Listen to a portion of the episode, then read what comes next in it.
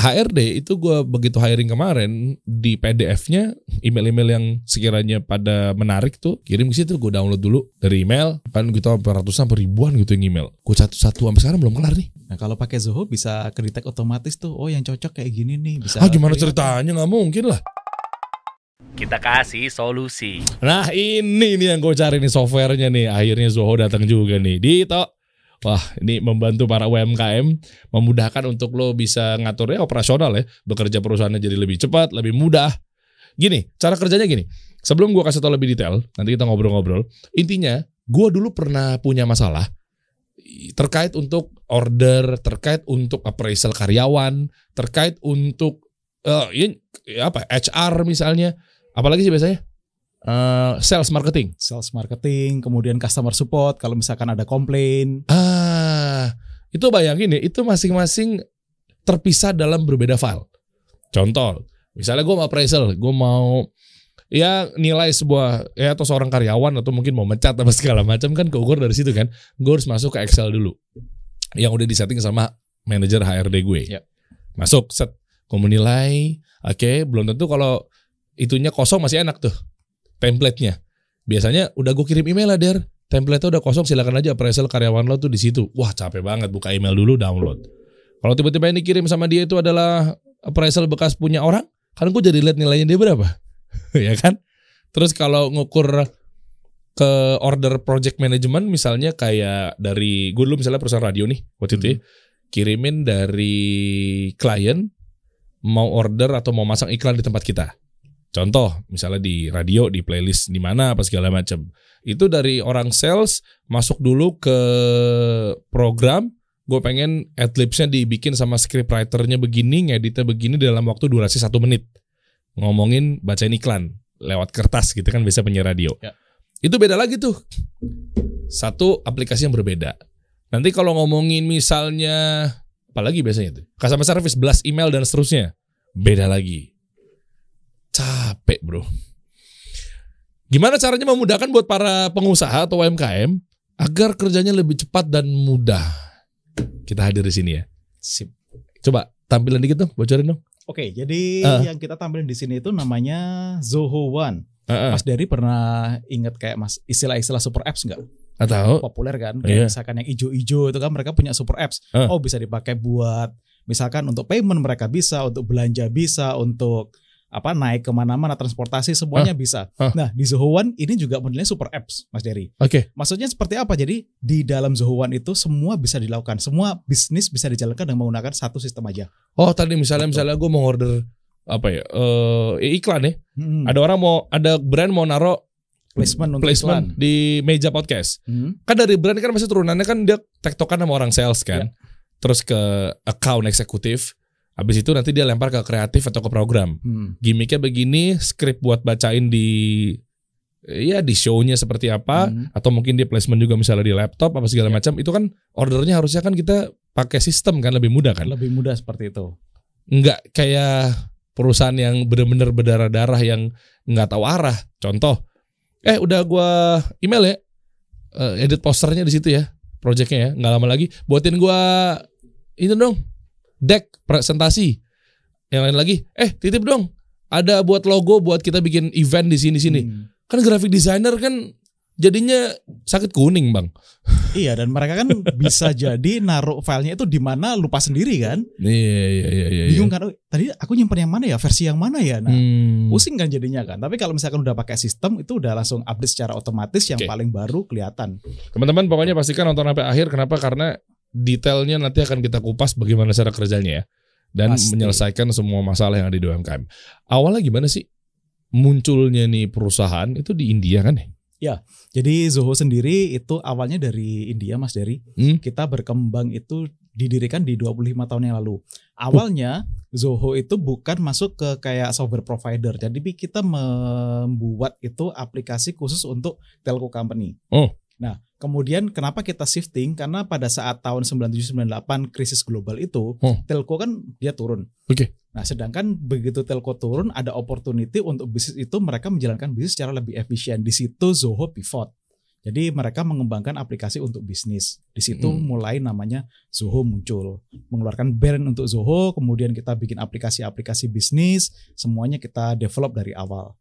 Sampai sekarang kita punya lebih dari 50 aplikasi, itu semuanya dibuat sendiri. Jadi kita sama sekali nggak ada yang namanya akuisisi, Mas Dery. Oh, dan ini juga pernah dibahas di Dr. Indrawan Nugroho kan ya? Betul. Di kontennya dia itu maksudnya tadi nge-review apa istilahnya? Natural, Review perkembangan Zoho secara natural. natural dan dan bukan disuruh kan biasanya kan beliau kan ya bahas aja apa pun yang dia mau gitu kan. Iya, betul. Iya kan di situ dia bilang katanya perusahaannya nggak pakai investor. Betul. Masa sih Betul. perusahaan Jadi, software developer begini? perusahaan udah gede, revenue billion dollar, kita nggak pakai investor sama sekali. Terus Ada gimana? beberapa alasan. Kenapa kok Sridhar Vembu jadi Sridhar Vembu itu vendor is uh, foundernya kita. Hmm. Kenapa kok dia itu nggak mau pakai investor? Ada beberapa alasan. Yang pertama karena dia pingin bahwa Zoho itu bisa melayani pelanggan dengan lebih baik. Hmm. Kalau misalkan pakai investor, ada kemungkinan investor itu punya direction yang berbeda, Mas Dery. Hmm. Jadi gini, investor itu pasti mereka butuh duitnya balik cepat gitu Hmm, kan. hmm. Oh aku udah invest sekian nih, aku berharap bisa dapat 10 kali lipat dalam lima tahun ke depan. Hmm. Jadi mereka memandang customer itu sebagai cara untuk bisa dapetin duit lebih banyak. Hmm. Sedangkan di Zoho, Sridhar Vembu nggak mau seperti itu. Dia pengen bahwa customer itu at the heart of the business. Jadi dia nggak mau sebagai cara untuk mencapai valuasi atau mendapatkan uang lebih banyak, tapi dia pengen melayani customer lebih baik. Dengan cara apa? Dengan cara dia bikin produk yang bagus, dengan cara dia berikan edukasi, dengan cara dia support pelanggan supaya mereka bisa berkembang lebih baik dengan menggunakan aplikasinya kita. Hmm, Gitu. Oke. Itu alasan pertama. Oke. Ada alasan yang kedua. Hmm. Alasan yang kedua, Sridhar Vembu pengen Zoho itu memberikan dampak ke karyawan sama ke lingkungan sekitarnya. Oke. Maksudnya seperti apa? Memberikan dampak ke karyawan karena gini, banyak karyawan Zoho itu kan asalnya dari India dan di India kita tahu bahwa bukan negara yang secara pendapatan itu tinggi gitu kan. Jadi mirip seperti Indonesia, banyak dari mereka itu yang pendapatannya menengah ke bawah. Hmm. Jadi Sridhar Vembu itu banyak meng-hire orang-orang di sana, kemudian di develop. Kita punya kampus sendiri, kita punya university sendiri. Oh. Develop mereka untuk jadi programmer handal, untuk jadi marketer handal. Kemudian kita masukkan mereka ke Zoho sebagai karyawan. Wow. Dan di situ akhirnya mereka punya kontribusi ke keluarga, derajat keluarganya terangkat, ekonomi keluarganya terangkat gitu kan. Oke. Dan di Indonesia kan artinya baru-baru ini ya, maksudnya beberapa tahun ke belakang ya. Iya. Ketimbang malah gedenya Zoho justru di Amerika ya. Jadi Zoho sendiri pasar terbesarnya kita itu di North America, jadi termasuk kayak Amerika Serikat, Kanada dan sebagainya, dan Heeh. di Europe, Inggris, kemudian Jerman, Spanyol gitu. Kita besarnya di sana. Ah, oke. Oke. Nice. Abis itu baru kepikir eh, di pengembangannya tuh sedemikian rupa apa segala macam dari awal Hmm. atau memang dipikirkannya bertahap karena mungkin dana dan seterusnya. Masa langsung jadi begini kan kayaknya nggak mungkin ya. Ya, jadi karena memang Zoho itu perusahaan yang nggak ngambil dana dari investor, jadi perkembangan kita itu kita bilang bahwa perkembangannya organik. Jadi kita step by step. Dan karena kita step by step, akhirnya kita punya cukup waktu untuk bisa membuat produk itu yang bagus. Jadi kita nggak terburu-buru, Mas Dery. Hmm, Gitu. Oke. Oke. Dan karena kita nggak pakai investor, kita juga nggak diburu waktu. Oh, misalkan harus harus di tahun ini harus sudah bisa exit nih, harus bisa kayak gini. Kita nggak ada kayak gitu. Jadi jadi tantangan terbesar Zoho itu bukan di sisi time-nya, gitu. Oke, oke, menarik. Eh untuk ap- apa ya fitur buat HR, Hmm. cara nilai pegawai ini bagus nggak performancenya atau segala macamnya ada juga di sini. Ada juga, itu ada di fitur performance management namanya. Wah enak banget nih. Ini pengusaha-pengusaha atau ya doyan banget kan begini-begini kan. Bisa ngukur jam masuk, telatnya. Itu bisa kelihatan. Oh kelihatan Check semua. in, check out-nya kelihatan. Kalaupun mau dibikin misalkan, oh dia absennya itu harus dalam radius satu kilometer dari kantor atau dari titik yang ditentukan. Misalkan sales harus mobile gitu kan. Heeh. Itu juga bisa ditentukan kayak gitu juga. Oh iya bener ya kalau sales kan nggak mungkin dia balik ke kantor lagi kalau udah jam Betul. 4 sore di kantor orang kan. Habis sales call apa segala macam kan. Dia biasanya balik langsung tapi bener nggak nih lu balik ke jam segitu nih kan nggak keukur ya. Nah itu bisa disetting kayak ada geotag locationnya gitu. Oh jadi dia itu harus bisa check in sama check out di lokasi yang sudah ditentukan dengan radius sekian meter atau sekian ratus meter itu bisa dibuat seperti itu Oh juga. dari kantor misalnya. Yes. Oh oke. Habis itu apa lagi nih? akhirnya berkembangnya dari ya boleh lah bahas teknis strategi nih. Misalnya dari India, terus gimana cara pengembangannya? Mungkin ente tahu tuh ya cara business developmentnya bekerja apa segala macam. Tipis aja bahas dengan ya ekspansinya apa segala macam ya. Sebenarnya secara perkembangannya Zoho itu semuanya organik Mas Dery. Oke. Organik maksudnya apa? Kita benar-benar mengandalkan yang namanya word of mouth. Ah masa se- segede segede Yes. itu sih? Yes. Jadi kalau aku boleh bocorin sedikit Huh? gitu ya, budget kita untuk marketing itu dibandingkan dengan R&D-nya kita hanya sekitar 20 atau 10 persennya. Hah? Beda dengan perusahaan lain. Perusahaan lain mereka gedenya di apa? Di sales and marketing gitu. Eh, iya kan. dong, harus dong. Harus. Kenapa seperti itu? Karena mereka bisnisnya bisnis jualan. Kita bisnisnya bisnis develop software. Itu yang membuat kita berbeda. Hmm, eh, Oke, beda yang signifikannya apa? Ngaruh mana, ke mana? Ke revenue atau ke, ke cost apa sih, gimana? Oke, jadi kalau kita ngomong secara beda signifikannya itu lebih ke arah mindsetnya. Jadi kalau misalkan kita mengalokasikan budget lebih ke sales and marketing, Hmm. berarti kita mau nggak mau itu bisnisnya kita untuk menjual software, untuk jualan software nih. Hmm. Gitu ya. Jadi software yang kita punya itu kita jual. Sedangkan dari si pengembangannya itu nggak terlalu signifikan. Jadi kita berusaha gimana caranya software yang ada ini kita bungkus sedemikian rupa, secara marketingnya kita bagusin, secara pesannya kita bagusin supaya orang tertarik. Gitu. Tapi kalau Zoho kita nggak seperti itu. Jadi kita benar-benar mengandalkan oh orang itu senang dengan pakai Zoho, kemudian mereka membagikan itu ke rekan-rekannya, ke koleganya, sedangkan koleganya itu bisa balik ke kita, bisa nyari tahu. Iya paham. Cuma kan kalau nggak pakai marketing, gimana cara nyampe ke dia? Oke lah, iya the power of mouth atau word, ah, ya macam-macam lah ya. Gimana? Maksudnya mengharapkan dia, oke gue dapat eksperimen, eh, experience begini. Setelah gue melakukan eksperimen, oke gue tertarik sama Zoho, ya sudah ini gue saranin ke lo. Iya kalau dia nanya, kan marketing hadir ketika kondisi yang nggak butuh jadi butuh kan. Hmm, jadi nah artinya kalau- kan gini, Mas nyampein ke sampingnya itu kan kalau memang ternyata nggak ada pertanyaan, nggak mungkin dia rela menjadi loyalis yang sebegitu. kalau kita ngomong marketing itu kan ada untuk user acquisition sama ada untuk customer marketing. Iya. gitu kan. Customer marketing fungsinya apa? Untuk supaya mereka itu bisa kita lakukan kayak upsell ataupun cross sell dan sebagainya. Iya. Nah, Zoho sendiri kita lebih menekankan ke customer marketing, bukan ke user acquisitionnya. Oh oke, terus abis Jadi- itu cara kerjanya? Cara kerjanya kita berusaha mengedukasi supaya customer-customernya kita itu mereka bisa menggunakan aplikasi-aplikasi Zoho lebih baik. Misalkan nih mereka pakai CRM, karena CRM itu kan kompleks banget ya. Hmm. Mereka nggak ngerti nih, oh caranya kalau misalkan mau bikin automasi pakai CRM seperti apa. Nah kita edukasi mereka, kita banyak aktivitas-aktivitas marketing itu untuk mengedukasi customer supaya mereka bisa menggunakan aplikasi Zoho lebih baik. Hmm. Gitu. Jadi investasi kita paling besar itu ada di sana, bukan untuk user acquisition. User acquisition ada, tapi secara porsi itu nggak sebanyak dibandingkan dengan untuk yang customer marketingnya. Hmm, oke. Eh, iya sih. Akhirnya makin kepikir bahwa ternyata sebuah perusahaan itu ribet kalau semua bentuk koordinasinya, order dan seterusnya itu berbeda Manual. aplikasi manual. Betul. Ya kan, sian juga ntar ya. Microsoft Office ya deg-degan juga dia. ya. Gimana Pak Bill Gates? ya kan maksudnya artinya kan orang jadi mungkin beralih. Ya ada fungsinya masing-masing sih memang. Betul. Tapi sekarang kita lihat ya kayak gini Zoho, ya kan Eh, akhirnya dulunya mungkin ribet, terpisah satu-satu apa segala macam akhirnya dikumpulin dalam satu ya interface, layar, selesai tinggal kerjain. Nah, berangkatnya lebih detail apa masalah-masalah yang mungkin ditemukan sehingga Zoho hadir di tengah-tengah perusahaan ini? Oke, jadi kita muncul itu karena yang kita lihat ini awalnya ya. Jadi Hmm. awalnya kita itu bikin produk pertama itu CRM. Kenapa kok kita pilih CRM? Karena di CRM sendiri kita ngelihat secara impact itu jauh lebih besar dibandingkan dengan apa yang dibutuhkan oleh pelanggan. Jadi gini, gampangannya kalau misalkan kita mengelola penjualan, kalau Hmm. kita masih prosesnya manual Mas Dery, Hmm. jadi order itu ditulis either itu tangan ataupun mau pakai Excel, itu kan kalau misalkan ada tim lain yang butuh untuk aksesnya itu akan ribet gitu kan. Hmm. Belum lagi kalau misalkan oh ada orangnya, orangnya ini dia harus ganti karena resign atau karena apa pun. Yang tahu misalkan oh si customer A ini dia udah ngobrol apa aja sih sama si salesnya, itu siapa yang tahu?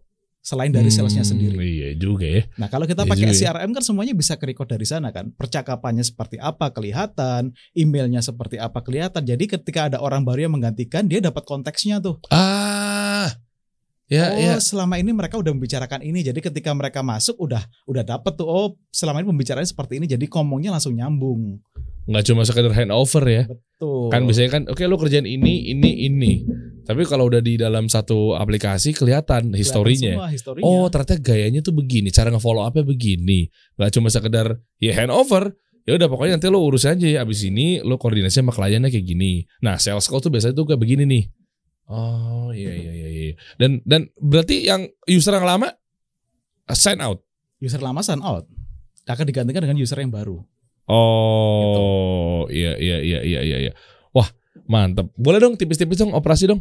Kita operasikan alatnya dikit aja dikit-dikit. Nanti baru kita ngobrol lagi ya. Ada beberapa Oke. pertanyaan sebenarnya sih yang masih pengen gue bahas sih. Oke, jadi kalau yang kita lihat di sini itu tampilan untuk dashboardnya, Heeh. Mas Dery. Jadi dashboardnya di sini kita bisa sesuaikan. Kalau Hmm. yang punya saya, di sini saya tampilkan untuk email, kemudian ada cloud storage-nya, kemudian untuk kalender. Jadi saya ini bisa tahu Oh. oh, kapan saya ada meeting, kemudian juga ini untuk attendance-nya, kehadiran saya itu seperti apa. Jadi ini bisa di-adjust, kita bisa bikin dashboard baru yang sesuai dengan kebutuhannya kita. Oke, bentar bro. Jadi kan layar ini artinya ini menjadi dashboard utama atau home. Yes, betul. Yang di mana kotak-kotak-kotak ini adalah perwakilan dari masing-masing divisi.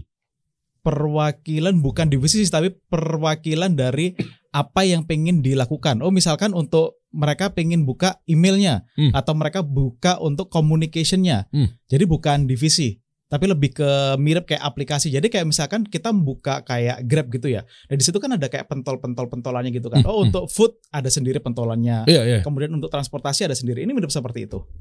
Oh iya sih, berarti fitur ya, apa namanya ya? Kan soalnya kan penggabungan ke semuanya kan? Iya betul. Penggabungan antara em, si siapa namanya? Eh, misalnya Kayak misalkan untuk ini pegawai nih, my Hmm. attendance. Ya dong, kedatangan kehadiran pegawainya jam berapa apa segala macam. Ya. Oke. Ini Yang kalender, ini kalender. activity, Terus? kemudian ada email, oke. kemudian ada untuk ini cloud storage-nya misalkan kita mau ngakses apa nih filenya ada di sini Oke, terus gitu. bawa lagi, bawa lagi, bawa lagi, bawa lagi, bawa lagi.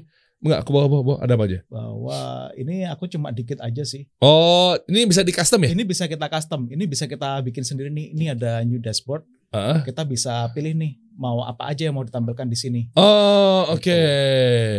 Oke. Nah, coba fokuskannya antara kalau kasih solusi. Ini jujur ya. Jujur, gue happy banget bisa bawa eh Dito ke sini teman-teman. Kenapa? Karena kasih solusi butuh. Kita nih, wuh carut marut. Ini jujur aja nih kita buka untuk ya ya sama-sama kita ngebangun ya. Artinya kalau mau order tuh serampangan. Setuju nggak teman-teman?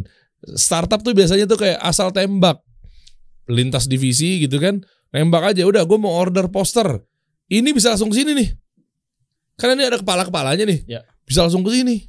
Dan bisa aku ukur juga nggak? Contoh dulu gue bikin di radio. Hmm. itu bikinnya kalau mau order tuh poster ke orang tertentu doang. Ya.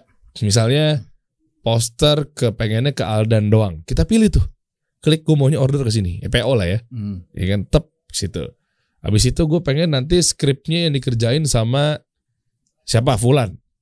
Nanti di podcast nanti briefnya sama si ini ini briefnya begini dan seterusnya ya dong Ya. itu bisa dibikin seperti itu Itu bisa dibikin seperti itu. custom custom dan kita juga bisa ngelihat oh misalkan si Fulan kok kerjaannya lebih banyak nih dibandingkan yang lainnya itu loadnya akan kelihatan juga oh dia udah overload nih ini nggak nggak perlu dikasih yang lain dan itu bisa kita set secara sistem oh kalau si Fulan loadnya udah penuh nggak akan bisa ditambahin lagi kita harus alihkan ke orang lain yang memang lebih butuh yang masih available dari Ih. sisi slotnya Wow, seneng banget nih ntar Gitu. Aldan nih.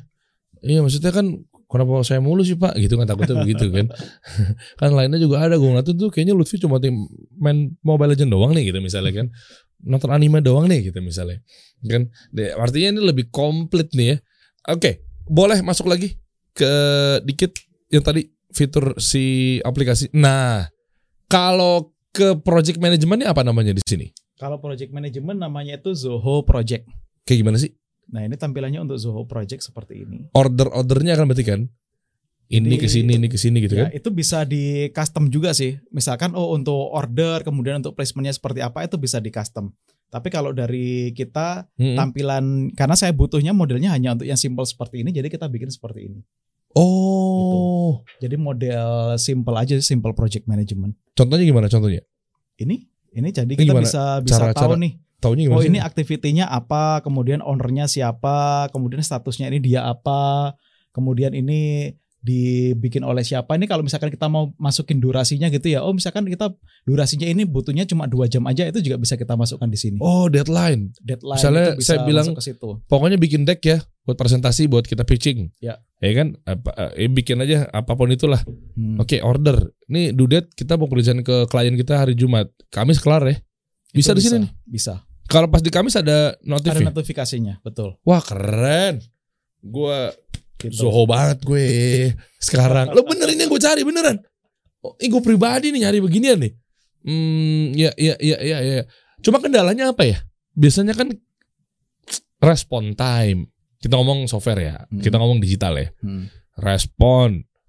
Latensi latensi itu jadi kecepatan si software tuh ngeload untuk Uh-uh. dashboardnya Males juga kan kalau kayak gitu kan. Mendingan gue buka di platform lain atau mungkin internet atau mungkin Google Drive atau mungkin yang lainnya gitu lah.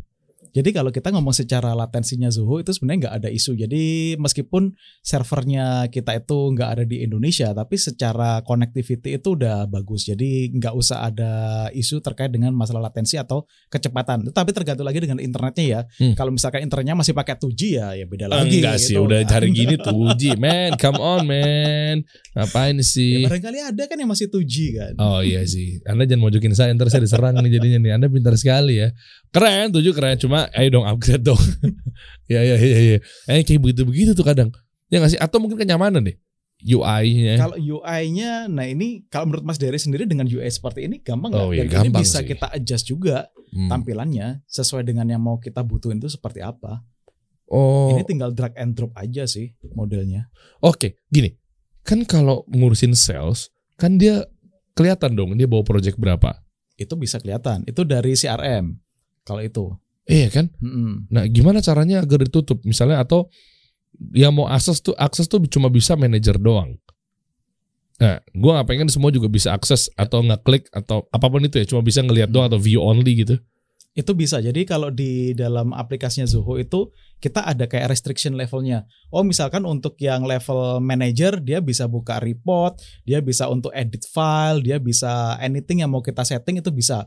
Tapi Hmm. kalau misalkan untuk yang level pelaksana atau level yang mereka eksekutornya itu kita bisa setting. Oh hanya untuk mereka aja nih, mereka nggak bisa ngintip kayak temennya. Itu bisa kita setting. Bisa juga ya? Itu bisa. Oh, emang plus minus sih ya. Maksudnya ngintip juga buat terpacu agar dia juga lebih semangat lagi untuk sales kan, Ya. jualan dan seterusnya. Tapi fiturnya ada. Jadi kalau mau dibatasi seperti itu, itu possible gitu. Hmm, oke oke.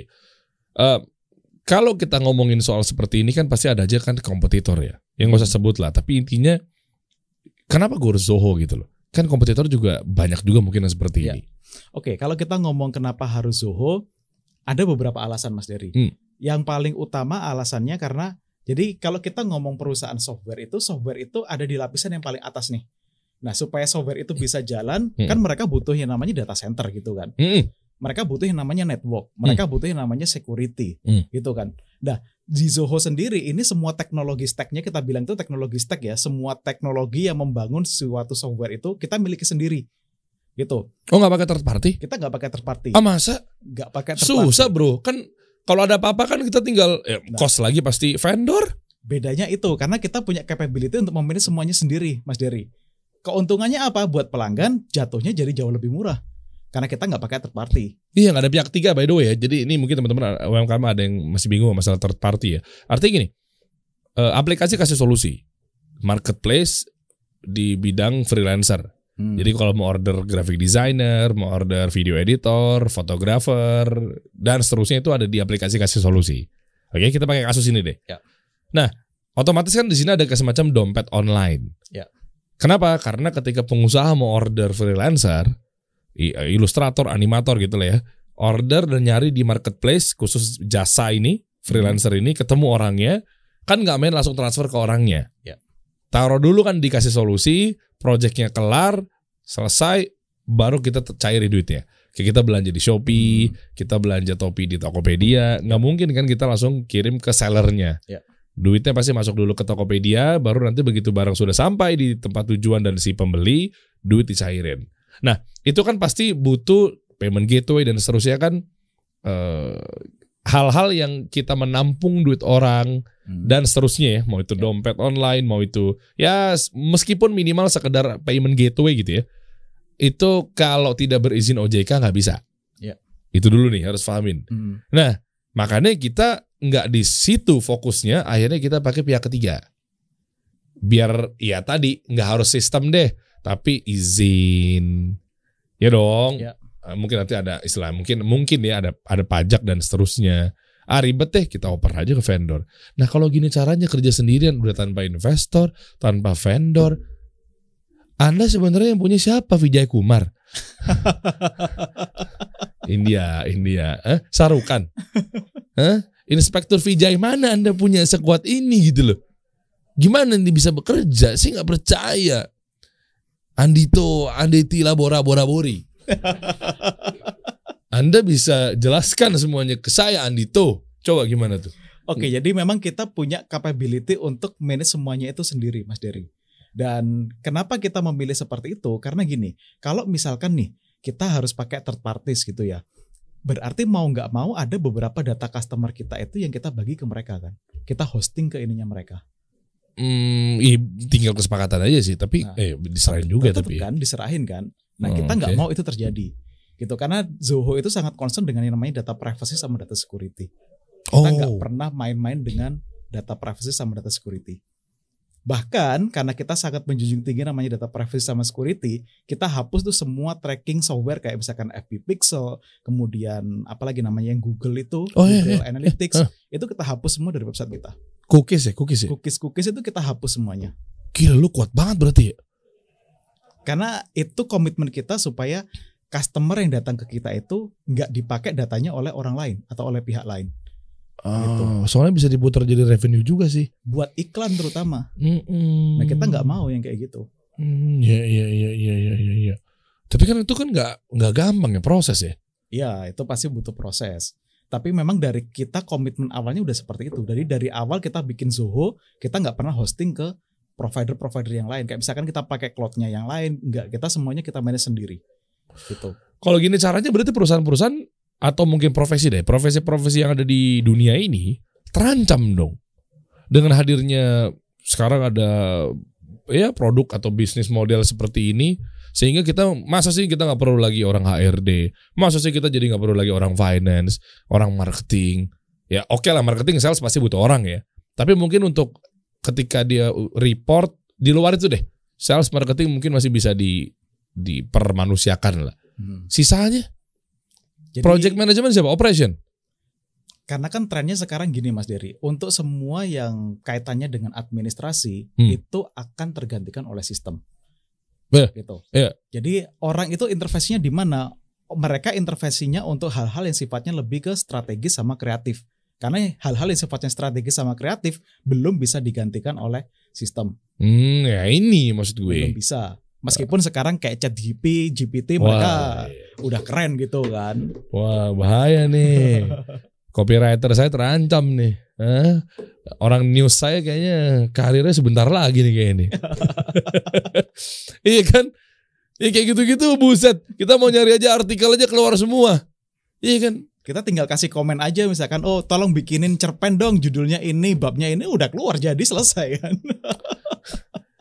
Staff saya bernama Inong. Mohon maaf Inong. Anda baru gabung memang gue tahu. Lu belum sampai sebulan kerja di sini, tapi terpaksa harus keluar lagi kayaknya dong. Nggak, tapi gini, Mas enggak, Gary. enggak, enggak, bercanda dong. tujuan utamanya kita pakai teknologi itu bukan untuk mengurangi manusia Oh keren. gitu tapi Keren. untuk memberdayakan mereka maksudnya seperti apa misalkan nih mereka yang saat ini kerjaannya cuma di administrasi clerical itu kan pekerjaannya yang monoton nah kalau misalkan kita sudah pakai sistem kita bisa develop mereka untuk aktivitas lainnya untuk Hmm. perkembangan mereka Oh ngerti gue. gitu Misalnya kalau media gini gimana? Anggaplah misalnya kamera bisa disetting sendiri di sini untuk Hmm. ngeplay, nge-record. Nggak Hmm. mungkin ya? Susah nggak? Jangan bilang lu bilang bisa juga semuanya nih. Kamera masuk sini sistem record. Hmm. Kan pakai software, kita masuk ke OBS atau apalah. Hmm. Softwarenya masukin colokin, kamera juga colok juga. Lampu tinggal klik nyala. Udah ada bardi dan seterusnya. Masukin semua ke sistem. Sebenarnya possible sih untuk dilakukan dengan teknologi. Dan sorry banget. dan sorry banget. Zoho bisa cover ternyata dan nggak perlu operator. Sorry banget dan.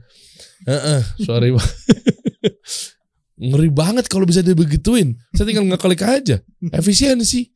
Ya efisiensi. Nah makanya nanti misalkan oh ada lowongan untuk HR nih, nah bisa dikasih ke ini kan di training buat jadi orang HR kan. Gue pakai Zoho HR. Zoho HR kan hanya untuk yang administrasinya. Tapi kalau untuk yang level ke strategis, kemudian untuk level yang butuh kreatif, itu kan tetap nggak bisa tergantikan oleh sistem. Oh iya sih. Vendor bisa nggak? HR consultant. SR consultant, Ya, yang kayak gimana nih SR Iya consultant? susah ya tetap. Ya sorry banget Alden mulai besok ke departemen HRD dan orang kreatif jadi KRD.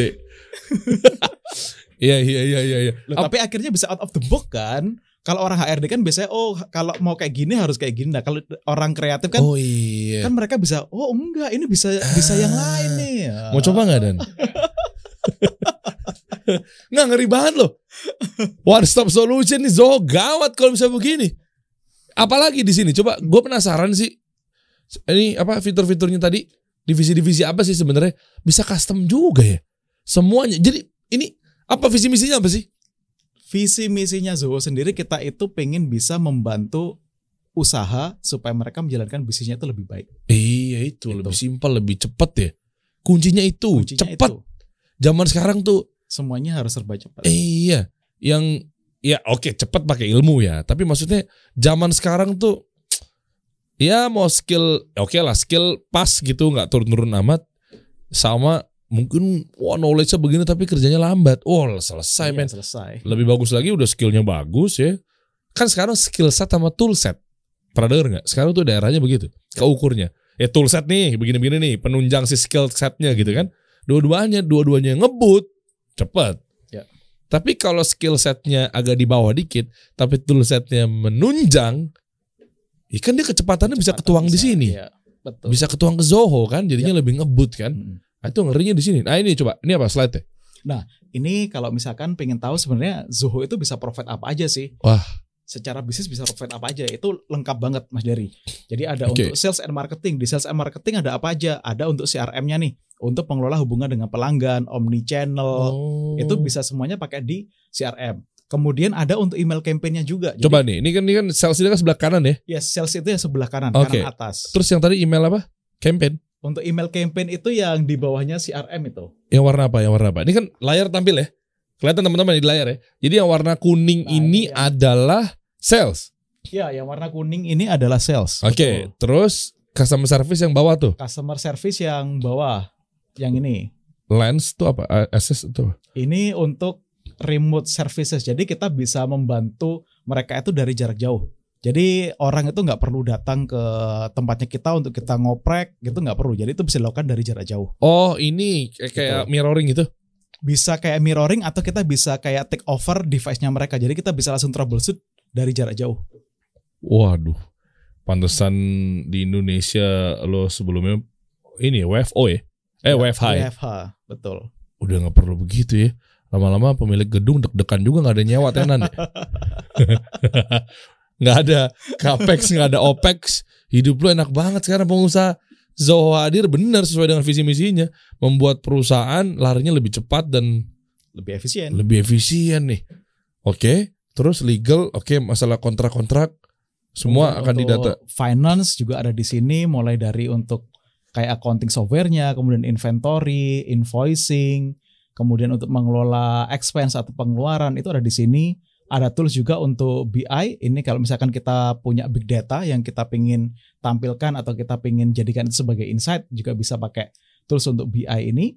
Ada Hmm. juga untuk SR-nya nih, mulai dari SRIS-nya, kemudian untuk recruitment system, kemudian untuk manage yang kerjanya shift itu juga kita sediakan. Ah, ketahuannya dari apa? Jadwal gitu, scheduling. Bisa automatic scheduling, ada macam-macam sih fiturnya yang di situ. Jadi dari bosnya nanti ngoper ke mereka Yes. untuk tugas yang lembur apa segala Hmm. macam. Itu bisa by system. Nanti si pegawai tinggal baca doang, gue jadwalnya jam berapa apa segala Yes, macam. Betul. Mau gak mau lo lakuin gitu ya. Mm-mm. Ataupun kalau misalkan mereka pengen ada adjustment, nah itu bisa dilakukan dari sistem juga. Approvalnya dari sana, Wow, gitu. wow. Terus untuk HR tadi ada apa lagi? Performance. Performance management masuknya ke Zoho People. Performance management, kemudian learning management system untuk pembelajaran jarak jauh, people development itu adanya di Zoho People ini. Loh, video-video misalnya kita kan punya workshop ya. Hmm? Nanti video-video teknik untuk ma- marketing, branding dan seterusnya kan kita Itu play. bisa diupload di sana. Oh, biasanya kan kalau kita pakai website, Hmm? kita pakai pihak ketiga, YouTube unlisted. Oh, Kita kalau ini play. bisa langsung diupload di LMS-nya kita aja. Serius loh. Yes, Serius beneran. betul. Kita punya banyak affiliate tuh dan yang file-file bekas workshop yang bisa nonton secara online dan segala macam. Kita mesti nebeng tuh dari landing page. Hmm. Baru di Eh, kan di-linkkan member ke- area dulu dong, Ah. masuk ke dalam, login, masuk ke dashboard. Hmm. Itu pihak ketiga kita. Oke, nah di dashboard itu nanti affiliate semuanya dan seterusnya bisa masuk ke dalam untuk ngecek eh, online course atau e-course apa yang lagi kita jalanin atau beli. Hmm. Nontonin video-videonya. Itu platformnya ya ya pengkodingannya ya, ya YouTube. Hmm. Kita masukin di situ. Di sini nggak perlu pakai pihak ketiga apa segala macam gitu ya. Itu udah langsung di sistem kita tinggal upload aja di sana. Oh iya, training pegawai tinggal nontonin videonya di situ. Yes. Nggak perlu saya jelasin lagi apa segala macam. Hmm, uh, Jadi lebih simple. Oke, rekrutmen juga. Rekrutmen gimana ceritanya? Rekrutmen jadi mulai dari kalau misalkan kita ngomong rekrutmen yang pertama dibutuhin apa? Kayak bikin semacam kayak landing page untuk registrasi kan. Mm. Kalau mereka mau apply larinya ke mana gitu kan. Itu juga kita sediakan di Zoho Recruit. Kemudian supaya banyak orang yang daftar, kita kan harus posting ke job portal. Ya. Kayak misalkan ke Jobstreet dan ke LinkedIn dan lain-lain kan. Hmm. Itu juga kita sediakan di Recruit. Jadi bisa langsung ditembak dari sana. Eh, gimana gimana? Jadi sekomplit lu buka nih satu aplikasi Zoho Hmm. itu, Zoho Recruit. Zoho Recruit betul. Iya, Zoho Recruit. Hmm. Oke. Habis itu gue pengennya begini begini begini terus gue gue harus pindahin ke LinkedIn tuh biasanya tuh. Itu Jobstreet. manual kan. Kalau ini nggak perlu, itu langsung di klik klik klik, tinggal ada kayak buttonnya, Loh. publish ke sana itu selesai. Integrasi integrasi gimana Udah tuh? ada integrasinya. Oh, jadi dimasukin LinkedIn di situ. Yes. Oh. Satu doang tuh ya bisa ke mana-mana ya. Nggak perlu minimas minimas ya. Nggak Karena- perlu copy paste satu-satu bikin lagi nggak perlu kayak gitu. Satu itu terus pindah-pindah aplikasi kalau di laptop gitu kan. Kadang kita ketahuan, wah habis nonton ini nih, Hmm. Oh. habis chat sama ini nih. Kalau di minimize kan, ya. semua kan semua banyak tuh carut marut gitu kan. Keluarin dulu bentar ya, pindah ke sini lagi. Apalagi, Bisa jadi satu ini ada 50 tab nih yang dibuka gitu. nah kan. itu saya. Dan akhirnya bingung tadi yang mana ya? Wah parah. iya benar. Apalagi kalau lagi kita meeting ya, Hmm. biasanya kalau lagi meeting sama internal via Zoom atau Google Meet kan share screen kan. Hmm. Itu tuh paling PR tuh kalau ketika "Ah, coba-coba dong eh, ini Pak eh, apa coba dong eh, Bukain yang ini. buka yang ini ya. gitu kan. Ntar tim saya tuh oh ya bentar Pak ya dia masuk WhatsApp dulu. Oh belum di-download Pak filenya Pak, download dulu. Kan biasanya kan file Excel-nya udah saya kirim ya. Iya, iya. Misalnya dari saya nih, nih Hmm. Dah, coba lo lo, lo tambahin deh laporan-laporannya. Iya pak, wah ternyata belum saya download pak. Eh manusia kan nggak tahu ya. Download dulu. Download tuh internet lemot kan? Tungguin dulu. Oke udah masuk ke download. Masuk ke download. Set ke tulisan download fitur di Microsoft. Hmm. Klik dulu, buka. Eh ke ini dong, slide-nya gimana slide-nya? Gue mau lihat eh, ini nih. Eh gue pengen ke Excel yang eh, order sales udah forecast klien siapa yang mau masuk. Iya pak, bentar pak beda file. Close dulu. Masuk lagi. Buka lagi. Nah makanya sebenarnya kalau kayak gitu kan lewat CRM itu semuanya udah bisa langsung di satu sistem yang sama kan. Jadi mau masukin file apa pun udah tinggal sana, ambil dari sana, dibuka selesai. Gitu. Hmm, ya, ya, ya, ya, ya. Coba lihat cara kerjanya itu slide nomor 4 kayak cara kerjanya, bukan? Slide nomor 4 Bukan ini lebih ke Oh, bukan ini. Ini lebih ke prosesnya kayak gimana. Nah, kalau misalkan kita mau ngeliat dari sisi ini kenapa nggak muncul? Ah ini, Nah. nah.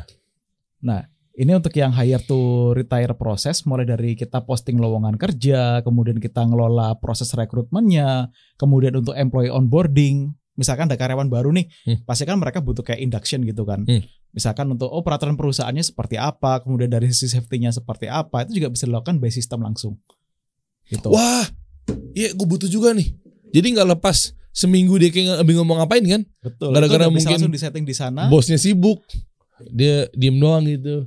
Bahkan kayak Pak saya nggak dikasih apa gitu Pak. itu terjadi tuh. Banyak. Heeh.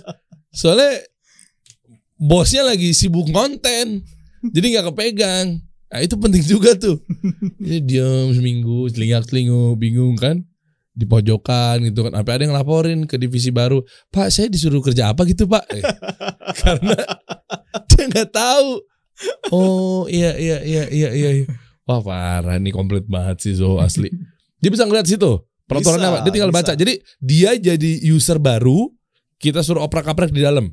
View Kita- only dulu bisa nggak? Bisa dong. kita bisa sediakan flow-nya. Oh, misalkan mereka perlu belajar untuk peraturan perusahaan dulu. Setelah itu selesai, mereka belajar apa? Mereka belajar apa? Itu ada ininya yang harus mereka ikuti. Flow-nya itu ada. Wah ini keren. Gitu. Ini keren.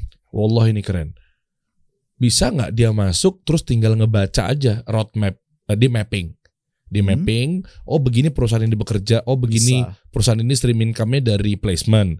Gimana caranya produk itu bisa hadir di meja podcast kasih solusi? Hmm. Pasti kan di track dong. Ya. Meskipun dia beda divisi. Oke, gue seorang copywriter.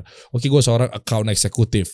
Gue seorang produser, tim kreatif. Dia harus tahu dong flow-nya kan. Ya. Perusahaan ini stream income-nya terbesar dari mana? Hmm.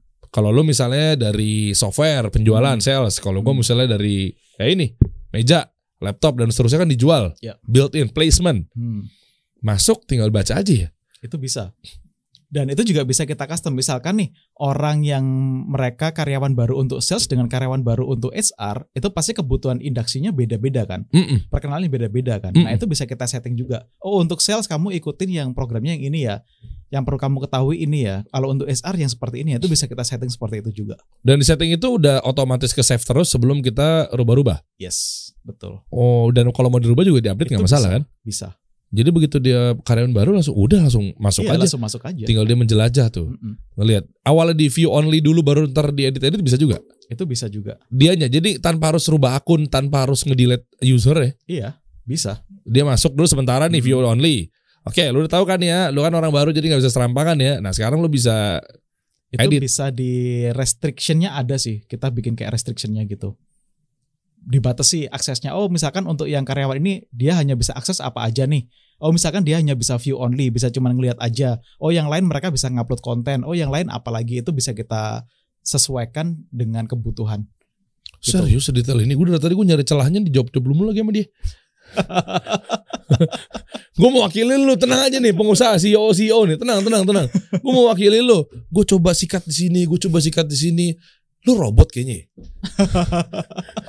Ngeri banget, komplit banget. Wah, kayak KPI ngatur KPI, tembus apa enggak? Bisa, itu ada cap- ada performance manajemennya juga. Ada di mana masuknya fiturnya? Di Zoho People juga. Zoho People Mm-mm. tercapai apa enggak? itu tercapai atau enggak terus kemudian untuk setting targetnya di sana juga bisa kelihatan dan setelah itu kalau misalkan kita pengen tahu itu kan harus ada talent manajemennya ya Hmm. misalkan oh mereka nggak tercapai nih kemudian apa yang harus dilakukan supaya mereka bisa tercapai di target di next achievementnya atau Oh, target oh, berikutnya oh. itu juga kita sediakan tuh talent manajemennya Siapa yang ngisi talent management? Taunya keukur bahwa nih lu nggak bisa ini berarti caranya begini. Masa gua harus hire lagi konsultan? itu Dari kalau McKinsey. misalkan kalau misalkan kita sudah ada kayak bawaan ininya ya bawaan kayak rootnya gitu tinggal dimasukkan ke sana secara sistem otomatis akan ngesign oh kalau misalkan dia gapnya di sini berarti butuh trainingnya untuk ini itu bisa secara sistem seperti itu Oh, ngerti gue. Bentar, KPI sales. Target bulan ini sebulan tuh misalnya harus 100 juta. Misal, misal. Ya. Kalau dia cuma bawa 50 juta, nggak tembus. Itu kalau ngatur KPI-nya ada di Zoho People, ya itu ada di Zoho bukan di Zoho Sales. bukan di Zoho Zoho Sales-nya Jadi- fungsi buat apa? gini kalau kita mau ngelihat performance karyawan itu kan adanya di performance management system Heeh. performance management system itu undernya SR. Kalau yang di salesnya itu untuk melihat achievementnya, gitu. Achievement dari sisi numbersnya. Oh, numbers. Yes. Misalnya betul. dia udah bawa project senilai satu miliar. ya betul. Nah kalau di performance management ini kan hanya sebatas oh dia tercapainya overly achieve atau misalkan oh dia achieve-nya ya achieve aja atau dia nggak achieve biasanya kan kayak gitu kan. Tapi Oh. kalau misalkan detail numbersnya berapa ada yang di sales tersebut Oh, oh. sales modulnya. Misalnya orang-orang business development atau orang sales atau orang Hmm. AE gitu ya. Ya. Dia bawa klien apa aja, tabrakan nggak sama klien yang lainnya. Ya. kan misalnya banyak agensi KOL gitu. Itu kan pasti ribet banget tuh. Ya kan event eh, konten campaign Ramadan lo yang pegang ya. A gitu. Siapa KOL-nya, influencer siapa aja. Hmm. key opinion leadernya misalnya ada A, B, C, D, E, F, G gitu kan. Di situ Hmm. datanya semua ada di sini.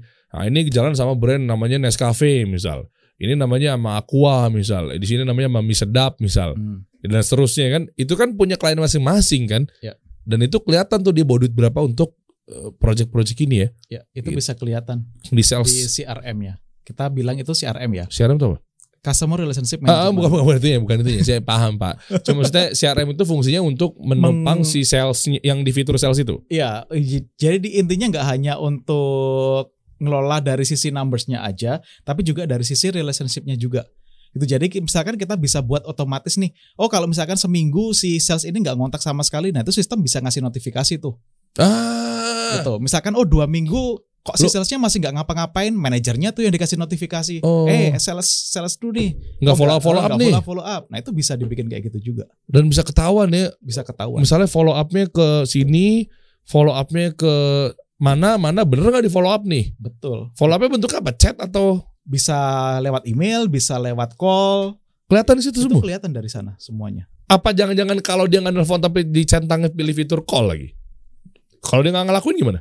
kan bisa kita aktifkan kayak ada recordingnya gitu. Kalau misalkan mereka memang call beneran, itu bisa kita record tuh percakapannya seperti apa gitu. Kalau misalkan itu diaktifkan. Wah gile, nggak ada celah men. Nggak serius, maksudnya sales kan kadang kan juga oknum-oknum ini kan kadang ngibul juga kan. Ya. Udah sales call, udah gue sales call. Nongkrong misalnya di embassy, udah embassy. Jadul Padahal cuma miss call doang ya. Dibilangnya sales call. iya juga ya. Miss call doang ya. Tapi nggak salah juga sih. Namanya sales call ya. Hmm, mm, mm, mm, iya juga ya. Terus atau enggak tadi absen. Bilangnya udah absen. Gimana kalau diakalin? Gue bilang aja absen. Oh radius ya? iya kan bisa kita kasih yang aku bilang tadi kayak ada geotag. Jadi kita bisa batas itu. Oh dia harus absennya itu di radius sekian dari titik yang ditentukan. Kalau di luar itu berarti dia nggak bisa. Itu bisa dibikin. Ya udah datang aja dulu. Pura-pura parkir mobil absen. Cabut lagi. Kalau orang sales kan keliling. Nah, itu kita bisa pasang kayak semacam ada untuk sales trackernya. Ah gila lu apaan sih ini aplikasi? Jadi bisa kelihatan tuh oh si ini misalkan kita udah kasih rute ya. Oh dia dari sini harus ke sini ke sini ke sini tapi dia ini ke yang lain tuh misalkan ke rumah pacarnya atau ke rumah Ah, ah, ah, ah. Itu bisa kelihatan. Oh gitu ya. Nih jangan jangan bilang Zoho sampai ke akhirat juga dihitung dosa-dosanya nih. Wah ngaco nih kalau begitu. Semua Dikejar loh sampai akhirat. Enggak dong. Kacau.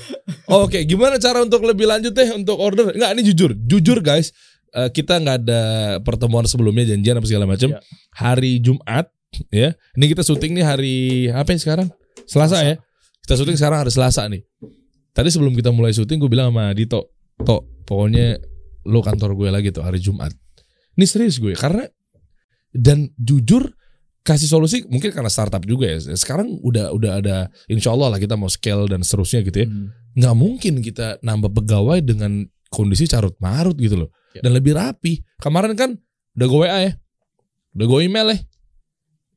Cek Google Drive. Cek ini ah, macam-macam kan. Udah gue DM ya, sampai DM DM gitu. Maksudnya, ntar lupa alasan ini itu. Oh iya pak, oh iya pak gitu Hmm. kok captionnya nggak ada kok captionnya nggak ditambahin itu deskripsinya nggak ada ya dan ya Mm-mm. kan udah saya enggak bapak nggak chat coba cek ada di grup oh iya oh iya ada wah gitu. nyari gitu kan apalagi yang udah kalau handphonenya mohon maaf ya yang Androidnya udah mau ngehang kan biasanya kan storage di WhatsApp kan dihapus dulu biar keisi lagi Enteng. biar Ah. enteng Hmm. Iya dan ya. Dihapus file yang habis dikirim dari manajernya gitu kan ke Aldan dalam bentuk dokumen. Kalau storage di WhatsApp dihapus, yang baru dikirim Gak bisa download. hilang. Iya. Nanti eh mana? Oh iya Pak, saya baru dihapus. Eh kirim lagi, kirim lagi. Wah, parah banget. Makasih udah dengerin curhatan saya. Bisa selesai pakai Zoho. Wow, ya ya ya. ya. Anda jadi tahu kan. Ternyata eh gue open aja kasih solusi ternyata kelihatannya mungkin manis di depan gitu kan. belakangnya berdarah-darah. Gitu membuktikan bahwa kami memang nggak pakai investor apa segala macam. Nggak apa-apa. Ini kita berteman teman-teman. Teman-teman nggak sendiri. Kami pun juga belakangnya seperti itu. Nah, dengan bisa sebesar ini pun justru bukan berarti kita minder. Gue ngomong begini bukan berarti gue malu. Enggak.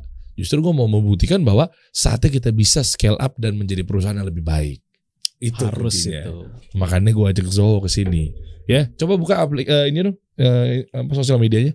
Oh di sini ya operatnya ya. Sosial media Zoho ada di mana? Mungkin. Nah, coba cek aja In- eh, Instagram ya. Langsung aja Instagram Zoho Instagram gitu. Zoho Indonesia Instagram. Wih, udah ada cabang nih. Franchise di Indonesia loh. Ah, itu dia tuh. Nah, informasi lebih lanjut bisa lewat Instagram nggak? Bisa lewat Instagram, bisa langsung lewat website, bisa ada LinkedIn-nya juga.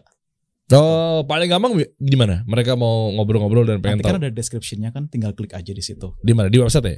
Di description-nya nanti. Di bawah nih. Di bawah, nih, ah, di di bawah. bawah, oh, ada bawah, A bawah, ya. bawah. Untuk informasi lebih lanjut teman-teman bisa langsung aja klik nih ya, ada di deskripsi, langsung aja hajar di sini. Kalau teman-teman lihat dari video yang lainnya, mungkin potongan-potongan dan seterusnya coba cek deh ke YouTube-nya kasih solusi atau enggak ke Instagram-nya kasih solusi. Nanti kita jelasin tuh captionnya di situ detailnya seperti apa. Nah, website coba buka dong. Website-nya kita cek. Teman-teman kalau pengen tahu informasi lebih lanjut di website Zoho Indonesia ya. Zoho Indonesia. Nah, oh, kalau ini untuk website ya Ah, zoho.com. Zoho One. oh, ini oke. yang produk yang kita tadi bicarakan yang namanya Super Apps tadi, semuanya ada di sini itu namanya Zoho One. Oh iya. Tuh bener itu. Lihat gambarnya. Beralih dari aplikasi ke sistem operasi. Sales, marketing, finance, operations, HR bergandengan jadi satu. Ini yang saya butuhin.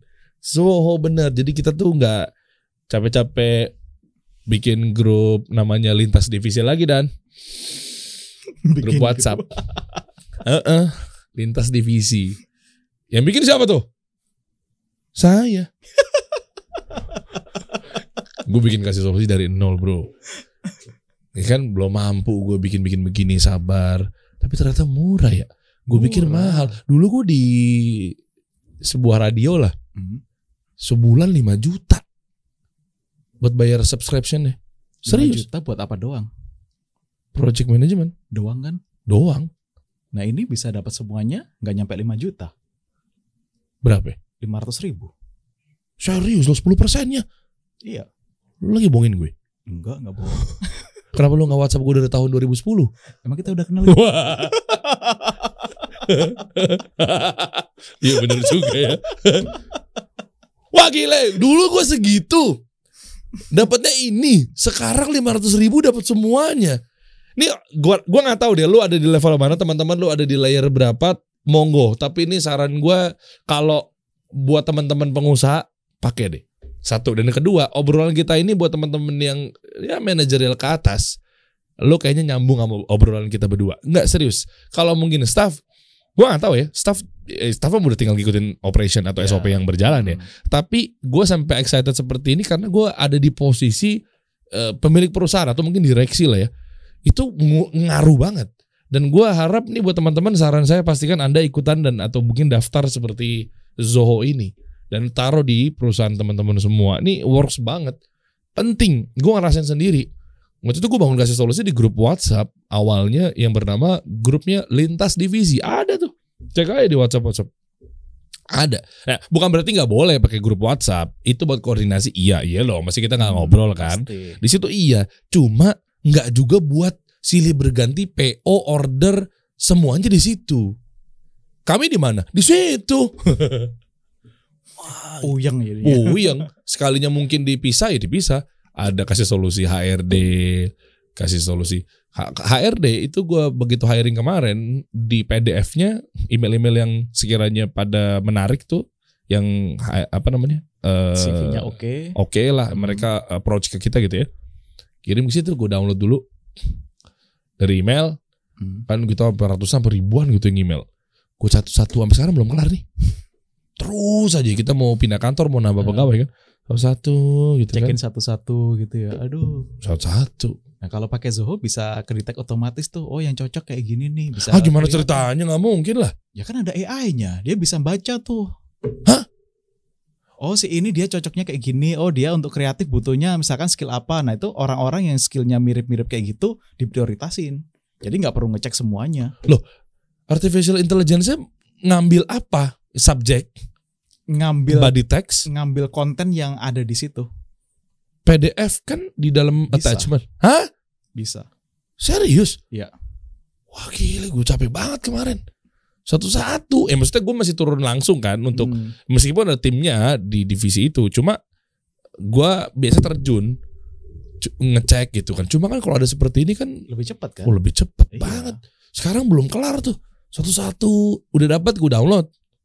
Karena bisa jadi gini, saya juga sering kan misalkan buka aplikasi ketika kita lagi hiring. Nah dari antara 1000 yang apply itu paling hanya 100 yang cocok. Nah kalau kita harus ngecek 1000 itu kan makan waktu banget kan. Nah kalau Hmm. misalkan sistem udah bisa ngere ngerekomendasi ini, oh yang 100 doang nih yang profilnya cocok ya udah kita cuma ngecek yang 100 aja. Kita sortir dari situ. Lebih cepat jadinya. Jumat deh beneran deh. Tempat gue. Insya Allah. Iya insya Allah ya Jumat ya. Maksud gue biar cepet-cepet aja deh. Ya Bismillah deh. Ya. Deal. Iya deal. Untuk exposure kan. Udah gope per bulan maunya gratis saya di pala. Pengusaha. Oh iya. Rob. Lima ratus ribu lu di kita berapa video dua detik ya? Iya keren keren. Nggak nggak tapi serius ya. Eh gue emang kecil lah. Tadi kalau lu buka 3 juta, gue minta tukar exposure. OP mah aman lah ya. Iya kan? Potong dari gaji Aldan. Jangan ntar dia nggak makan. oh iya. Apalagi sekarang tambahan pekerjaan baru HRD. Nah, iya. Pindah. Ada yang mau tambahin nggak? Ada yang mau tambahin nggak? Cukup nggak? Ada yang mau tambahin, bro? Cukup? Eh, ini aja sih. Eh. Kalau misalkan teman-teman tertarik, kita ada sesuatu nih buat teman-teman yang nonton podcastnya kasih solusi. Ah. Kita bisa ngasih yang namanya Zoho Wallet Credit.